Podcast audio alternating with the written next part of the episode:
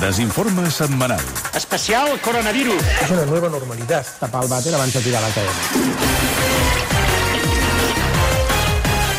Em pensava que anàveu a dir especial xarango, perquè ja estan aquí l'Alguer Miguel i el Sergi Carbonell. Hi ha una moguda aquí fora, perquè tot l'equip, eh, Adrià i Sergi, s'han anat a comprar el disc de eh, dels xarango l'EFNAC, Sí.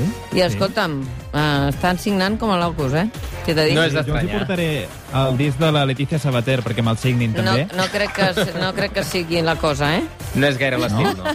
No, no. Va, hem mirat d'explicar l'actualitat de la setmana amb rigor, però, segons vosaltres, això ja no es porta. Què vols que es porti això? Nosaltres per això som aquí, per tocar-ho tot plegat. Sí, l'actualitat de la setmana no ens ha acabat de convèncer i per això ens hem dedicat a crear-ne una d'alternativa.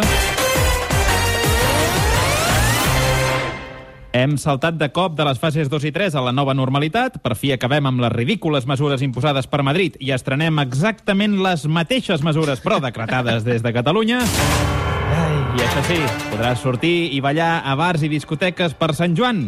I això té neguitosa bona part de la població que troba temerari celebrar la rebella a la Brava en locals abarrotadots de borratxos. Per autorresponsabilitat, molta gent té decidit passar-la al propi domicili i totes aquestes persones prudents mereixen una guia que els orienti. Guia per passar la rebella tancat a la teva puta casa. O pot ser que et quede a casa, que llavors no perdré un duro.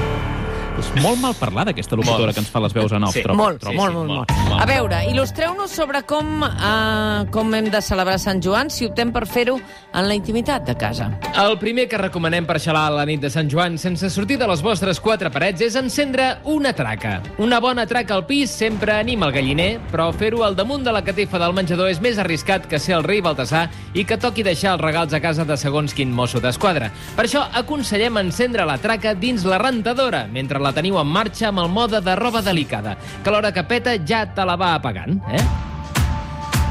Què més cal per una exitosa rebella casolana? Va, que jo n'he de muntar una. Sí, mira, no és Sant Joan sense una foguera. Això Estarem sí. d'acord amb això, eh? Sí, sí, per sí. això val la pena calar foc a tots els llibres sobre el procés que us vau comprar quan encara estàveu motivats. Tenen moltes fulles i moltes frases ja obsoletes que són les que millor cremen. Aprofiteu per fer una foguera que faci patxoca. Això sí, alerta amb saltar per damunt la foguera, que com tingueu la mala sort de passar just per sobre de la portada del llibre del Milero, us podeu cremar el cul. I, I què fem amb les criatures? Amb els menuts de la casa us reclamaran que els compreu 4 o 5 caixes de cebetes. I què els heu de dir? Doncs és clar que sí, cocades. Com podríeu privar la canalla del seu primer contacte amb explosius? Què sou, l'Audiència Nacional? Compreu-los les cebetes, coi. Compreu-los cebetes, però no deixeu que les llencin pel balcó males bèsties. Agafeu les cebetes i les feu servir per cuinar un roast beef. Eh? Garantiran una explosió de sabor a cada queixalada. I les bengales? No, no, no, mira, les bengales us les podeu estalviar. Allò només fa gràcia a les iaies perquè el record dels ciris que deixen a missa els diumenges. Però cap jove té cap interès a sostenir a la mà aquest tros de filferro que fa espurnes fins que s'apaga llastimosament sense esma ni èpica, igual que el procés.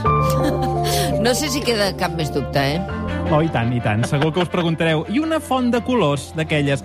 Fa festa encendre una font de Eh. colors sota la pica del lavabo? Doncs mira, depèn. Fa festa, fa festa si la font de colors l'aprofites per posar-hi un paper d'alumini a sobre amb restes de crac. Però si només és per fer les coloraines, no massa, la veritat. El que es gaudeix tant a casa com a fora és una coca de crema o de pinyons. El dolç sí. supera qualsevol barrera i és la garantia de que la vostra rebella haurà valgut la pena, encara que sigui a metre i mig dels demés, amb una mascareta claustrofòbica posada i sense agafar ni l'ascensor. Però per afegir-hi diversió, podeu imitar la tradició del tortell de Reis i posar dins la coca una fava. I a qui li toqui la fava li toca pagar el postre i la fiança del Fèlix Millet. Els més barrilaires, aquells que sou més de la gresca, potser trobeu que un Sant Joan així és poca cosa. Però escolta, molts de vosaltres ja vau muntar un Sant Joan al, al, a l'octubre a plaça Urquinaona. Punyeteros, que hi havia fogueres cada 50 metres i els de la Brimo posant-hi la pirotècnia. Així que ara no feu el pluricó, no es pot tenir tot. Exacte. Desinforme setmanal. Doctor Trillal, estirem la cadena del vàter amb la tapa tancada, si us plau. Jo vaig al lavabo, tiro de la cadena sense la tapa aquesta, es pot quedar una mica flotant i si no hi ha bona ventilació i de seguida entra una altra persona, pot ser que inhalin això. Que peste! I el lavabo que es ventili el millor possible. Sabia que us agradaria això de la tapa Home, del vàter. Són tants dies que us esteu quedant sense temes amb el trill, allà. Científics de la Universitat d'Oxford han descobert un medicament que redueix significativament la letalitat dels malalts de Covid-19, la dexametasona. La bona notícia és que la dexametasona et pot salvar la vida. La dolenta és que s'aplica només en forma de supositori gruixut, gruixut. Per l'aplicació és de gran ajuda un martell, però potser ni així hi ha manera. Per això la ministra CELA ha explicat que aquells pacients amb dificultats per administrar-se ells mateixos la dexametasona poden demanar una hora a un proctòleg, eh? que els donarà un cop de mà experta amb aquestes miraculoses però voluminoses supositoris. En el caso de que considere que por mucho que haga eh, no le caben, eh, tiene que pedir ayuda. Sí, Això és molt important. Això és molt important amb els supositoris. La CIA revela que Felipe González era el Magasero. Ho sabia. Tants anys després, sí, sí, sí, sí, ja, tu ja ho sospitaves, ja tu, ja oloraves, Sergi. Sí, Tants home. anys després s'ha conegut la identitat que s'amagava darrere el primer dolent del Club Super 3. Avui en dia el senyor Pla actua a cara descoberta, però el Magasero boicotejava els súpers des de l'anonimat, camuflat sota una capa de boira televisiva que fins avui l'encobria. Gràcies a la desclassificació de l'Agència d'Intel·ligència Americana, totes les criatures traumatitzades de l'època poden per fi posar nom i cognom a qui els va causar terror entre capítol i capítol del Pingu. Es Felipe González sin ningún género de dudas. Felipe González movía todo. Felipe González, si lo ha creado, es el que mueve.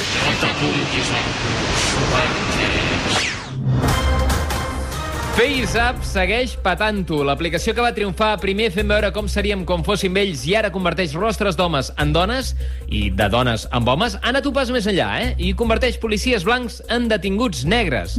L'aplicació transforma l'individu de tal manera que un agent de raça blanca uniformat amb la porra a la mà i una pistola a l'altra, amb només dos clics es converteix en un individu negre ple de blaus per tot arreu.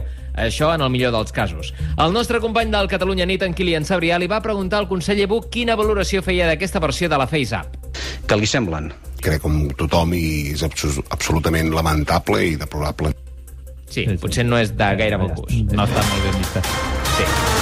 Un Miquel Buch que, per cert, pateix gasos. Ai, el pobre. conseller ha gravat un vídeo tipus Pablo Alborán, compartint sense embuts, que té tendència a acumular ventositats, especialment els dies que dina llenties, i ha anunciat que no deixarà que es perpetuï aquesta estigmatització social entre la gent que té patarrons. Per això, seguint la mateixa, la màxima de, de cosa dolenta fora del ventre, Miquel Buch ha anunciat que la que els noti venir, encara que es trobi enmig del Parlament, estirarà els pets que acumula a la panxolina. Exigiré l'expulsió immediata del cos. Seran, repeteixo, expulsats del cos, com es mereixen, fastigosos. Sí, sí. El, el, Sí. sí. sobretot si són llufa, són especialment... Això és molt important. Fora. Tot. L'Estat ja ha trobat la manera de pagar els ERTOs que el CP és incapaç de gestionar degut a la de milers de pagaments que se li acumulen. És per això que des d'ahir s'ha creat la Lotoerto, Ara. un sorteig a través del qual es pagarà cada dia l'ERTO a un treballador diferent. Mira, podem sentir el sorteig d'ahir. Bon dia. En el sorteig celebrat ahir, el número premiat va ser El 9.292. 3, 4, 3, 4, 5. Molt bé. La sort La dislèxia de la dona escura. va recaure en una noia de Badajoz que no havia ingressat des del mes de març res. Així de contenta estava mentre explicava que es va assabentar que havia cobrat l'ERTO quan es dirigia a cremar l'oficina de l'INEM amb sa germana. Mira. Nosotras estábamos viniendo, aún no estábamos aquí y cuando hemos venido pues ha estallado todo, toda la felicidad y todo. Home, tu diràs. No és per menys. No és per menys. El youtuber mallorquí Miquel Montoro ja no ha de patir més per quin idioma tria pels seus vídeos. La polèmica lingüística ha quedat resolta gràcies al Tribunal Suprem, que ha dictaminat que el jove de les pilotes que en són de bones només pot penjar vídeos en castellà i comunicar-se en cristiano amb tots els seus seguidors. El mateix Miquel Montoro explicava com una pila de jutges i magistrats del Suprem li han fet arribar centenars de burofaxos i requeriments judicials. muchísima gente, muchísima, pero es que no, los, no lo podéis creer, que me piden que por favor hable castellano. Clar, No, no, què ha de fer si ho noi? diu el? Suprem... En fi. La Generalitat ha estrenat la seva nova campanya institucional adreçada als turistes per tal que triïn Catalunya com el seu lloc de vacances aquest estiu. Aquesta campanya vol incidir en les ganes que tenen els catalans de rebre turisme i no amaga un cert punt de desesperació. Es titula, atenció, porta per nom Guiri, sabem on vius, si no vens per les bones, et vindrem a buscar per les males. En l'espot audiovisual es pot veure dos castellers de 100 quilos cadascun visitant la casa d'un alemany convidant-lo a venir al nostre país.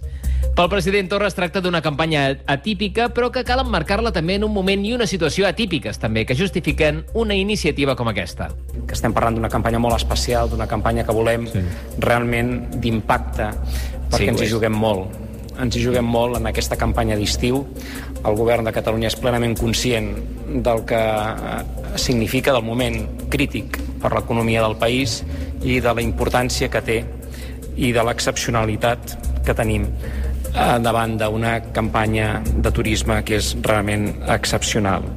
No, no ho Sí, és. sí, ho és. sí, sí. Sens No, dubte és. m'imagino, m'imagino segrestant alemanys i tancant-los al culo de, de, de, de la Sagrada Família. Ai, calla, pobres. Al desinforme setmanal tenim encara temps per eh, repassar la nostra ronda de corresponsals. Que comencem a Brussel·les, on diversos països han signat una aliança bèl·lica que podria donar lloc, atenció, a la Tercera Guerra Mundial. Els països signants haurien declarat la guerra a Catalunya per la violenta campanya turística que ha previst la Generalitat i que comentàvem fa just un Ah. moment. David Baró, Brussel·les. Aquests països que haurien fet una declaració de guerra formal contra el Principat no toleren que els coaccionin per visitar PortAventura, els monuments estrafolaris de Gaudí, les paranoies de Dalí o les guixades de Tàpies. Eh, Exactament qui ens pensa atacar, David? França, Alemanya, Bèlgica i Holanda se sumen. També ho han fet mm. altres països, com per exemple Àustria, Suècia, Finlàndia i Portugal. Tinta, jo pateixo tinta per, negra. en Portugal. En tot cas, aquesta guerra podria no celebrar-se perquè un científic nord-americà assegura que l'apocalipsi arribarà aquest diumenge, dia 21 de Oh. juny, segons van predir els maies. La fi del món podria estar a tocar i ens quedarien només unes hores de vida en aquest planeta, diuen. Oriol Serra, cap canyaveral, als Estats Units. És per això que ja s'han platat prop d'una cinquantena d'avions, diuen, i naus espacials per fugir a tota llet de la Terra en direcció a l'Estació Espacial Internacional i la Lluna. Això per intentar sobreviure a l'apocalipsi anunciada. Hi ha bon ambient ara mateix a l'Estació Espacial de la NASA? Doncs sí, sí, hi ha hagut molt moviment. De fet, eh, des de les tres quarts de sis del matí que érem aquí, doncs ja hem vist com els passatgers arribaven amb bona cara, això sí, molt contents, ah. per agafar aquest vol que és a punt de sortir, és, eh, havia de sortir a les 8 i 10, encara no s'ha enlairat, però està a punt d'enlairar-se. Aquest primer vol d'aquests 47 Bueno, no passa res. A veure si és el del Dani Gómez i no se'n va. Escolta, A veure. escolta.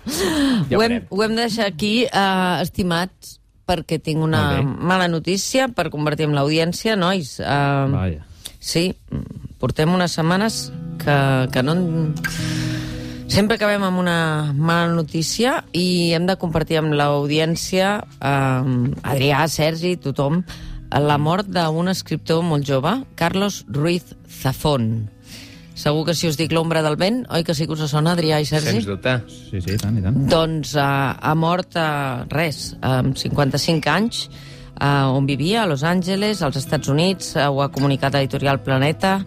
Evidentment, avui, mm, per aquesta editorial, és un dia molt trist, perquè Carlos Ruiz Zafón, amb totes les seves obres, primer va començar amb la literatura infantil i juvenil, amb aquell Palau de la Mitjanit, amb Marina, el príncep de la Boira, però de seguida va arribar L'ombra del vent, que segur que és uh, la novel·la doncs, que el va convertir en un best-seller de referència. Uh, ell deia, cada llibre, cada tom que veus té ànima, uh, l'ànima de qui l'ha escrit i l'ànima dels qui l'han llegit, viscut i somiat amb ell, per tant, podran continuar somiant amb ell a tots aquells qui, qui el van qui el van poder eh, llegir, qui el van gaudir. El joc de l'àngel també, El presoner del cel, El laberint dels esprits, que és l'últim llibre que va escriure Carlos Ruiz Zafón, que també era guionista de cinema, per això vivia a Los Angeles, eh, doncs va moure a causa d'un càncer. Tenia només 55 anys. Per tant, eh, talent que se'ns en va, massa jove, eh, molt massa jove, en aquest cas Carlos Ruiz Zafón, que va rebre un munt de premis, seria molt difícil mm, resumir-los, no? Premis Llibreter, eh, el Premi Millor Llibre Estranger a França, eh, finalista al British Book Awards, eh, un munt de reconeixements a la seva obra que ha sigut massa curta. Que la terra li sigui lleu. Descansi en pau.